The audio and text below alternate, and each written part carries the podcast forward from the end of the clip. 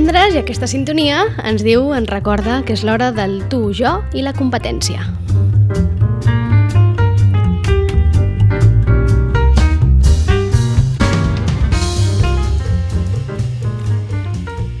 I ja la tenim aquí, bé, aquí, aquí no, eh? Ho saben, a casa seva, així a través de la pantalla que fem aquesta secció des de fa ja unes setmanes. Molt bon dia, Sandra. Hola, bon dia. Com estàs? Pues bé. Tot bé? Fantàstic. Sí. Doncs vinga, arrenquem aquest tu, jo i la competència i avui la Sandra ens ve a parlar d'una eina que mm, potser si esteu en aquest moment de pensar negoci o repensar el vostre negoci n'heu sentit a parlar o algú es l'ha comentada. Eh, es coneix per les sigles BMC, és el Business Model Canvas, oi Sandra? I, Correcte. I ens ves a parlar d'aquesta eina perquè és una eina mm, prou interessant, oi? Sí, e- és, és un exemple de, de les moltes eines que hi ha per replantejar-nos en moments determinats realment el nostre negoci, no? O sigui, el, tem el tema és que quan algú arrenca un negoci, doncs normalment acostuma a fer un pla d'empresa, a mirar molt bé doncs, quins són els seus gastos, els seus ingressos, les seves aliances, a qui es dirigeix, però una, un cop arrenquem el negoci, eh, tot això sembla que s'ha quedat en el paper i moltes vegades cada X temps no fem l'exercici de revisar què ha canviat, no? Mhm. En nosaltres, en el mercat i en el nostre consumidor. I entenc, Per això- que, entenc que és un exercici interessant eh? i que s'ha d'anar fent. Sí, sí, sí. I a més a més, jo et comentava que creia que era molt interessant fer-ho ara, aquest exercici, perquè em trobo a molts clients que, més enllà de demanar-me una estratègia de marca, que és a lo que jo em dedico, eh, em venen amb, amb una inquietud prèvia, és a dir, em demanen estratègia de negoci i, clar, jo no, no, no faig estratègies de negoci en si o estratègies comercials, però sí que em veig abocada moltes vegades de doncs, treballar més ah, doncs, el, el model aquest, per exemple, del, del Business Model Canvas o, o qualsevol altre model per intentar orientar-los una mica amb el que els hi pot funcionar millor a nivell comercial, que no és a nivell de marca, De marca. Mhm. però va tot lligat, no? És com un pres previ i és interessant. Queda clar. Doncs vinga, anem a parlar del Business Model Canvas, eh, d'aquest model de llenç de negoci, eh, modelo de lienzo de negocio, que és com la traducció que Sí. es fa,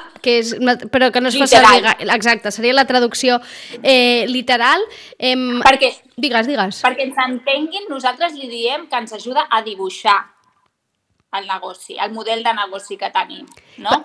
Moltes, moltes vegades aquest model de negoci és el que et deia, el tenim dibuixat d'una manera, però amb el mercat, com que fluctua tant, doncs va canviant també aquest dibuix. I quina és la peculiari peculiaritat d'aquest- d'aquesta eina, Sandra? pues que ens fa pensar. És molt interessant perquè ens fa fer, ens fa pensar i ens fa fer-nos preguntes que normalment eh, no, o no ens fem o no anem tan enllà. Llavors, eh, penso que, que pot ajudar a la gent, mira, per exemple, el model de, el Canvas que, que comentava eh, té com nou apartats, no? Eh, a part dels ingressos i gastos i tot això, hi han com set apartats que són els que jo crec que interessant de que ens ajuden a fer-nos preguntes per anar un pas o dos més enllà en una situació com de comoditat. D'acord. Abans d'anar aquí, Sandra, perquè la gent s'acabi d'ubicar, eh, aquesta eina, per, per fer servir aquesta eina, què és el que necessitem? Perquè entenc que és una eina bastant temps i, eh, Sí. i, i entenc el que eh, hi ha com una plantilla, no? O, o ens plantegen Sí. una plantilla. Correcte, però això hi ha dues maneres. Una és que es poseu a Google Business Model Canvas i us sortirà una plantilla, és un requadre Sí. vale? on hi ha nou caselles on tu tens que anar omplint. L'altra, que és més pràctica per la gent que no estigui tan acostumada a fer plans de màrqueting i Sí. això, és escoltar el programa perquè jo ara les desglossaré. Doncs parts. vinga, perfecte. Doncs anem a això, eh? Partint d'aquesta plantilla, que és la que trobaran vostès a, a Google si posen això del Business Model Canvas, és una plantilla amb nou apartats, que la idea és que aquests apartats aqu- eh, et facin reflexionar i hagis d'anar omplint aquestes caselles, no? I a partir d'aquí doncs vas definint el teu model de negoci. Anem, Sandra, anem a, a, a això, Correcte. apartat a, per, per apartat, eh? casella per casella, Sí. a veure què és el que hauríem de posar o què és el que, en el que ens hauria de fer pensar cada casella del Sí. nostre negoci. Sí, Vale. Primer de tot, m'agradaria uh, llançar una pregunta i és si sabem interpretar la realitat del, del meu negoci, del nostre negoci. És a dir, eh, el que comentava abans, nosaltres fins ara veníem, per exemple, cafè, no? un producte, Sí. eh, però realment ens hem posat a la pell de la situació actual, del consumidor actual, realment ven cafè o ven un sabor, o ven una experiència, o ven un moment, o ven un servei al client perquè potser sóc molt simpàtica a l'hora d'atendre, o potser t'ho porto a casa i això és un valor afegit. És a dir, la realitat canvia, per tant, el nostre producte també ha d'evolucionar. I una mica perquè us... és la idea, ¿vale? D'acord. D'aquest exercici. D'acord? Vale. Per exemple, eh, primer de tot el que us heu de preguntar, a qui ens dirigim? Vale? Al nostre client ideal o al nostre client, eh, com que ja tenim un negoci, al nostre client. Però no és, mira, a dones, a, no és algo generalitzat, no, no. O sigui, hem de pensar noms i cognoms, de fer l'exercici, ja que tenim uns clients, o si estem en el moment de crear la nostra empresa, del pues, intentar dibuixar aquest, el que diem en, en comunicació, en màrqueting, diem buyer persona. El Bayer Persones. No? Uh -huh. Aquell, que està disposat a pagar uns diners pel nostre producte o servei. I l'hem de definir bé, eh? és a dir, eh, la construcció d'aquest personatge s'ha de detallar, oi, Sandra? És a dir, aquí la Sí, idea, el que deies, sí. no es tracta de generalitzar, doncs, mm, No, dones de mitjana edat, sinó de concretar, eh? Doncs d'entre de entre 40 i 45 anys, eh, Sí. dones que treballen o no, que són mares o no, que són Però, inquietes o exacte. no. Mm. Però, Carola, jo aniria una mica més enllà. Per exemple, si jo tinc una botiga de roba, pensaria ah, vale, aquesta persona, aquest client que jo tinc, aquest client potencial, que últimament m'està mirant per, molt per Instagram, em pregunta els preus per Instagram, però detecto que no em compra. Potser és que no té temps de comprar-me i venir a la botiga, perquè jo, com que tinc una botiga física, escolta, li dic, escolta, vols que et prepari una bossa amb, diverses, amb diversos outfits, te'l porto, te'l porto a la tarda, a casa teva, tu mires, tu proves a la nit i demà al matí t'ho vinc a buscar. Aquest servei és el que t'està pagant, no la roba que tens. Llavors, per això és tan important que tu coneixis el teu client, però les seves necessitats reals de no té temps, busca una oferta, eh, li agrada anar diferent de la seva amiga, per això no em compra perquè no vol coincidir. No sé, has, has d'anar més enllà. El detall, eh? Hem d'anar a buscar el detall i no ens ha de fer por pensar que, ens, que, que, que detallem massa i que ens concentrem massa en una persona perquè justament això serà el que ens ajudarà no, a definir-nos i a definir el nostre model de negoci. Perfecte, doncs per on seguim, Sandra? El següent és el producte, que abans ja m'he avançat una miqueta, però us posava l'exemple del cafè, no? Realment, què estic venent? Un cafè, un bocata, ho llenço molt a la restauració, una paella, no. O sigui, realment el que estem és l'experiència de menjar-te aquella paella o el cafè o el fet de que m'ho portis a casa o el fet de que em solucionis el problema que no tinc temps de cuinar. Per tant, el producte cada vegada és menys, menys eh, tangible. Queda Vale? clar. Quan estem parlant de productes, el que es ven, el valor afegit, és allò que no pots comprar. Allò intangible, eh? justament, que és allà on, allà on nosaltres hem d'anar a intentar portar alguna cosa, no? aportar el nostre Correcte. valor diferencial. Correcte. Vale. Què Com més? arri- El tercer punt seria com arribo a ells. Vale? Com arribo a aquest consumidor? Perquè ara sembla que tot estigui per Instagram, però no. Al, puri- al punt 1 ja t'he posat un exemple. Igual hem de tornar al model uh, de, de, no de negoci, però al model de, de servei al client del vendedor d'enciclopèdies, de t'ho porto a casa, hola, què tal, com estàs, i parlar una mica, perquè la gent està molt necessitada de parlar i de- d'explicar de, la seva situació. I... Allò antigament li deien la porta freda, no? Correcte, correcte.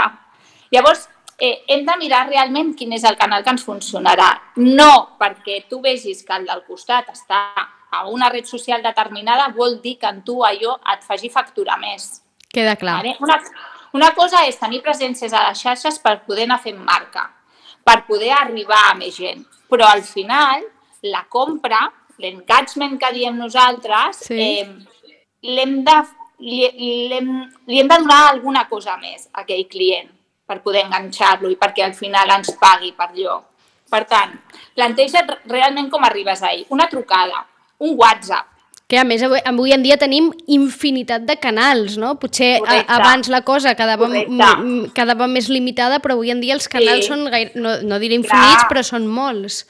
Clar, heu de pensar que no és el mateix vendre una assegurança que vendre un llibre, que vendre una experiència. Per tant, cada un, el lògic és que tingui el seu canal més adient. Llavors, la meva, la, la meva proposta és aposteu per un i feu superbé. Vale? No, us des, no us perdeu, ni us diversifiqueu, ni vulgueu arribar tot perquè no arribareu. Vale? D'acord. Vinga, per on seguim? Vale. Després, eh, una cosa molt interessant que ja l'estem veient. Quina relació tinc amb el meu client? Com el tracto? És personal? O sigui, el conec? És, és digital? Ens coneixem però a través de les xarxes socials? Tots aquells clients que no coneixes a través de les xarxes socials i és possible que visqui en el teu municipi o a prop, per què, per, per què no fas l'esforç de conèixer-la en persona? És una forma de fidelitzar aquells que coneixes en persona, doncs pregunta't quin tipus de relació tens amb ells, si distant, si de respecte. Mm, és important, i, i, ara em surt en castellà, eh, però indagar. Indagar, sí, sí. Mm -hmm. D'acord. Sandra, una pregunta que, que em sorgeix ara. Eh, en aquest exercici que estem fent, eh, davant d'aquest llenç, davant d'aquest full, omplint aquests requadres no? i fent-nos aquestes preguntes, aquí hauríem de posar la realitat del nostre negoci o el que voldríem? És a dir, el que és ara o el que voldríem que fos? És a dir, per exemple, parles ara de la relació amb el client, no? Doncs potser ara la relació amb el client és únicament eh, presencial, però potser ens estem plantejant que sigui també digital i que sigui una relació, doncs, eh, no ho sé, eh? Aleshores, què, amb, què, aquí què hem de posar? La realitat o allò que volem que sigui? És que tu, quan escriguis la realitat, si, vas fer ah, si fas bé l'exercici, posaràs on vols anar a parar. D'acord, És a dir, la meva realitat és que jo tinc una relació digital amb els meus clients, però on vull anar a parar és a que em coneguin personalment. d'acord. Llavors, sí que és la- l'escenari real, o sigui, el que tens ara, això ho has de plasmar en un paper, ho tens tu molt clar al cap. Sí. No és com, què factures? Vale, però què vols facturar? No? El model Canvas el que et fa posar allà, en realitat, si m'ho dius per qui Sí. escrigui, allà tenen que escriure el seu objectiu. D'acord, d'acord, eh? És a dir, allà on te volen anar a parar, allà on voldrien anar a Sí. arribar. D'acord, queda Sí. clar. Vale, I perfecte. ara que Digues, ara que m'has fet aquesta pregunta, aprofito per, per comentar-te res. És, eh, quan tingueu aquesta imatge, no? aquest, aquest model de negoci plasmat allà amb els vostres objectius, això és una mica PNL o aquestes Sí, coses de coaching, però, però- està molt bé. Mhm. Visualitzeu-lo. Visualitzeu-lo molt i us heu de creure. Sí, sí, i visualitzar vol dir que, que, que facis l'exercici d'imaginar-te'l, però en detall, eh? És a dir, això és un exercici, com bé deies ara, de programació neurolingüística, eh? Però li has de posar detall, tot el De detall... Tot el detall que vulguis, colors, és a dir, tot el que vulguis, perquè com més visualitzis, no? Diuen que és més fàcil, no?, arribar a, Sí. a aquest objectiu. D'acord? Sí. Claríssim. Per on seguim, Sandra? Ens havíem quedat amb la relació amb el client. Sí, després, uh, el tema dels ingressos. ¿vale?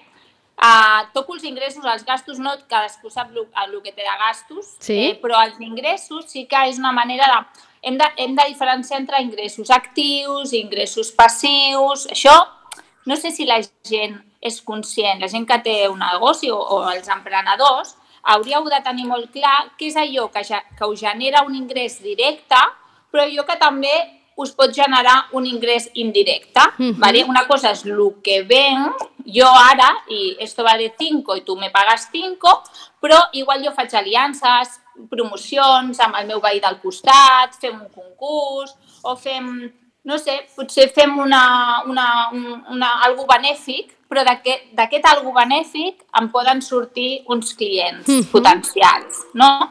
Tot això també són ingressos, però el que passa que són passius, són directes. Però això també ho heu de posar. D'acord.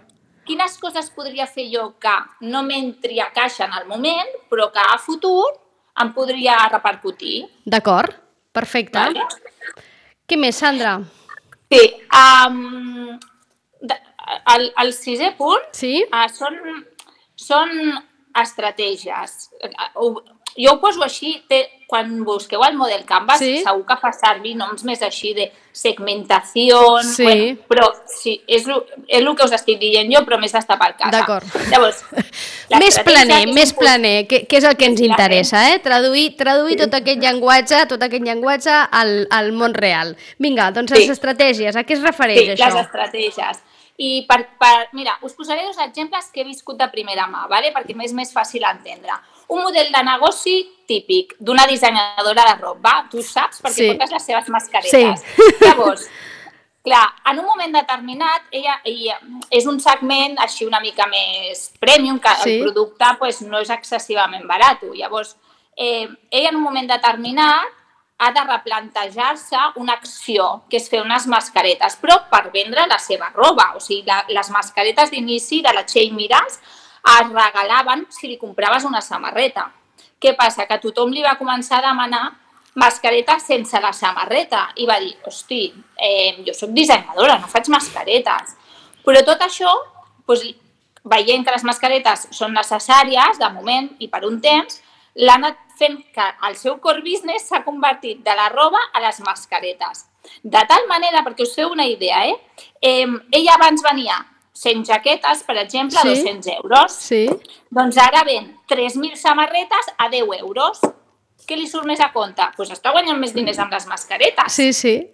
Sí, sí. Llavors, el model Canvas, d'alguna manera, et, et condueix a que et puguis replantejar el negoci d'aquesta manera. És a dir, si invertim l'equació de com he funcionat fins ara, potser, si trobo un nicho que em funciona o si, si trobo gent que em compra, Sí.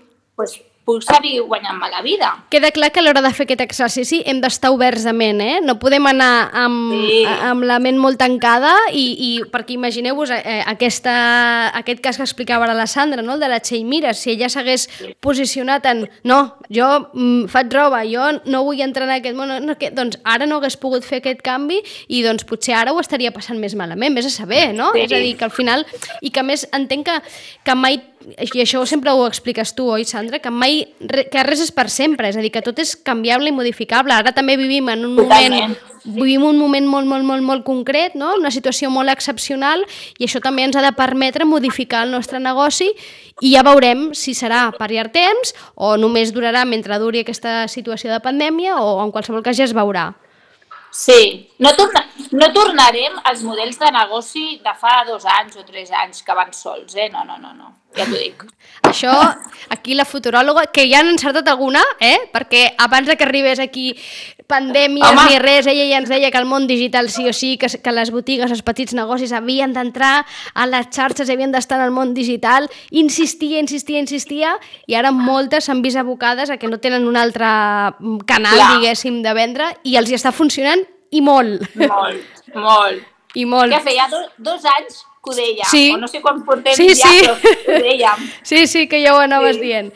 Queda Sí. clar, Sandra, Una- digues. Us, us poso un altre exemple, si tinc temps. Sí, també, tens temps, temps. que de les estratègies, a, en el món de la restauració, que també és un dels que ens preocupa molt ara. Vale? Tenim un exemple d'un restaurant a, de Terrassa que funcionava bastant bé, eh, menjar tradicional, i mm, ja al març es van veure abocats a, bueno, a una situació catastròfica i durant el confinament vam estar pensant com els podíem ajudar i el, el cuiner eh, és molt bo fent reposteria Mhm. i va donar amb un forner de Mallorca que, li, que feia enciamades i però jubilava. Llavors li va demanar si li podia passar la recepta Sí. amb la qual s'ha especialitzat en fer enciamades, les fa ell, de tots sabors, dolces, salades, sense relleno, sí. amb relleno, i això sí, es diu Jacint Verdaguer, li hem fet un pack molt xulo, això que li permet enviar-les a casa durant el confinament, eh, va aconseguir fer aquests enviaments d'aquestes enciamades amb un packaging bastant bastant, bueno, Cridaner, no? i- Sí? Mhm. Cridaner, sí. I el producte està molt bo. Clar, ella d'entrada deia, ostres, però si jo el que sóc bo és cuinant, doncs això, un bon arròs, una bona fideuà, un, un, uns peus de porc, un no sé què. Bueno, no et tenquis. Hem començat amb la setmana, que és un producte, en teoria, de molt baix cost de producció, Sí. vale? i ho pot assumir, i ara cada vegada més ja va introduint i fent, si tu li demanes, ja té una carta i fa delivery. I a més a més, eh, ha, ha aconseguit fer, bueno, que la gent s'acostumi a pensar de, de la cuina del Jacint a la, a la meva casa. Llavors la gent al cap de setmana ja directament li encarrega. Però no, no era un restaurant que va dir, bueno, tenco i faig delivery. No, va dir, ostres, ara què faig? Com em diferencio? i no ho haguessis dit mai, un cuiner de tota la vida et fan Home, enciamades no, de Mallorca. El pas de, dels peus de porc a les enciamades mallorquines és difícil, te l'han d'explicar, te l'han d'explicar, queda clar. Però tornem al model de negoci, és a dir, si abans feia, doncs, jo què sé, 50 paelles al cap de setmana a un preu, ara venen enciamades que el preu és molt més baix, però el cost també és molt més baix. I en ven més, en ven 100. Sí, sí, és com l'exemple que deies de les mascaretes de la Txell Mira. Sí, sí, sí, sí. Perquè veieu que amb, amb, dos, amb dos sectors molt diferents la gent eh, replanteja el seu negoci i pot tirar endavant amb una línia que no, que no era l'habitual. Sí, i fins i tot descobrir-se, no? Perquè igual aquest senyor ara ha descobert que, mm, escolta'm, no ho sé, igual eh, probablement, si li està funcionant, encara que tot torni d'alguna manera a la normalitat que en teníem abans, probablement ell continuarà fent aquestes enciamades, perquè si li està funcionant, la gent li, la demanda continuarà. Segurament. És que, és que molts negocis d'aquests el que els hi passa és que difícilment podran tornar a obrir a pagant la infraestructura que tenien abans. Clar, tu t'has quedat sense recursos. Què vol dir? Mà d'obra i sense poder pagar un lloguer. Llavors t'has de reinventar. Llavors jo crec que qui no, qui no pugui subsistir, que, per, perquè és molt difícil, eh, s'ha han de trobar el seu, el seu valor afegit. Pues, si ets cuiner, el teu, si ets un sommelier, pues, escolta, per què no fas eh, eh, assessorament de cates online? Saps? Jo estic a casa, no em puc moure de casa, tu estàs a la teva casa i jo em recomanes tres vins, els vaig a comprar i mira, m'expliques, no sé, eh? ara se m'està sí, acabant sí. d'ocórrer, però... La Sandra és una font d'idees, això és una... I les idees van cares, eh? Les idees van sí. cares. Nosaltres la tenim aquí altruistament, com aquell qui diu. Sandra, per on continuem? Sí. Vale. I la setena, que també és molt important, sí? buscar aliances ja des, de, des del mes de març que venim dient intentar cooperar amb el del costat, intentar fer coses a on tu no arribes, que pues, ajuntar-te amb gent que pugui arribar. I pues, aquestes aliances cada vegada eh, es donen més i cada vegada eh, també es busca més, eh, perquè això m'ho pregunten molt, el microinfluencer de barrio, que li sí. diem nosaltres. Sí, sí. sí. Però, però és veritat, perquè és la gent que té credibilitat. Ara, aquesta setmana sortia com una llei que diu que tota aquella gent que se li pagui per, per recomanar, no? que fan d'influencers sí. de marques, ho ha de posar. Sí, exacte, estan obligats en el, en, estan i obligats. cadascú fa la seva manera, acostumen a posar un hashtag o acostumen a posar alguna cosa de col·laboració o producte sí. de col·laboració o alguna cosa acostumen a posar. Hmm. Ara deien pues, això, eh, que s'ha de posar espai patrocinat per tal, perquè ho sàpigues. Llavors, bueno, a, a, cada vegada es busca més autenticitat i, i que qui et prescrivi pues, cregui en el projecte, cregui en la marca i cregui en, en el producte que està venent. Sí, d'influencers i influencers locals, tot i que està ja a un nivell top 10, vam parlar fa molt poquet amb la Marta Sanauja de Delicious Marta, perquè ah, va aparèixer sí. a la llista Forbes de les 100 eh, influencers més rellevants a, a, a l'estat espanyol, sí. i parlar amb ella és molt interessant perquè ella sempre explica que, que, que clar, és veritat que és una feina que cada vegada està més demandada, però que té molta feina, és una feina real, i en el seu cas ella ho fa tot, ho fa tot absolutament, no té, no té ningú que li porti res, més enllà del gestor, m'imagino que li deu portar els números, eh? però eh, és molt real i llavors ella donava, eh, explicava la importància no? de, de, en aquest món també de, de, de ser real i de que el que expliquis mm, que sigui veritat i ella és una d'aquestes que fa molt de temps ja que sempre que eh, parla d'algun producte, perquè òbviament és la seva feina i és el que es dedica, no? doncs clar. recomana algun producte, ella sempre, sempre eh, ho deixa clar que allò és un, un patrocini, per tant està cobrant, és la seva feina no? i quin... Sí qui no vulgui entendre això, doncs aleshores mm, eh, s'ha d'allunyar del món influencer perquè, és clar, és que s'han de guanyar la vida sí. i se la guanyen així, no? Més enllà de que, que... que puguin recomanar coses a títol personal i sense publicitat, que també ho fan, eh? Que també ho fan. És que més enllà de, de, del que jo no sé si ja encara hi ha gent que es pensa que és molt maco ser influencer, que jo no ho crec, però bueno, més enllà, és una feinada horrorosa. O sigui, la gent sí, que, sí. que no es dedica a això no es pot imaginar com t'has de programar, eh, treballant a mesos vista. Tu no pots, no pots fer la teva feina avui més que la presencial, però tot el que penjaràs i tot el que ha d'estar superprogramat, sí, sí. ho fas amb vista. És una feina que visualment és molt atractiva, que sembla molt fàcil, molt xula i que representi molts ingressos, però no sempre així i els que doncs, hem tingut l'oportunitat de conèixer algun influencer de, ja de cert nivell eh, i ens ho expliquen, doncs em, ho sabem del cert. Sandra, per on seguim? Ens hem quedat amb les aliances. M'he quedat amb les aliances i és l'últim punt.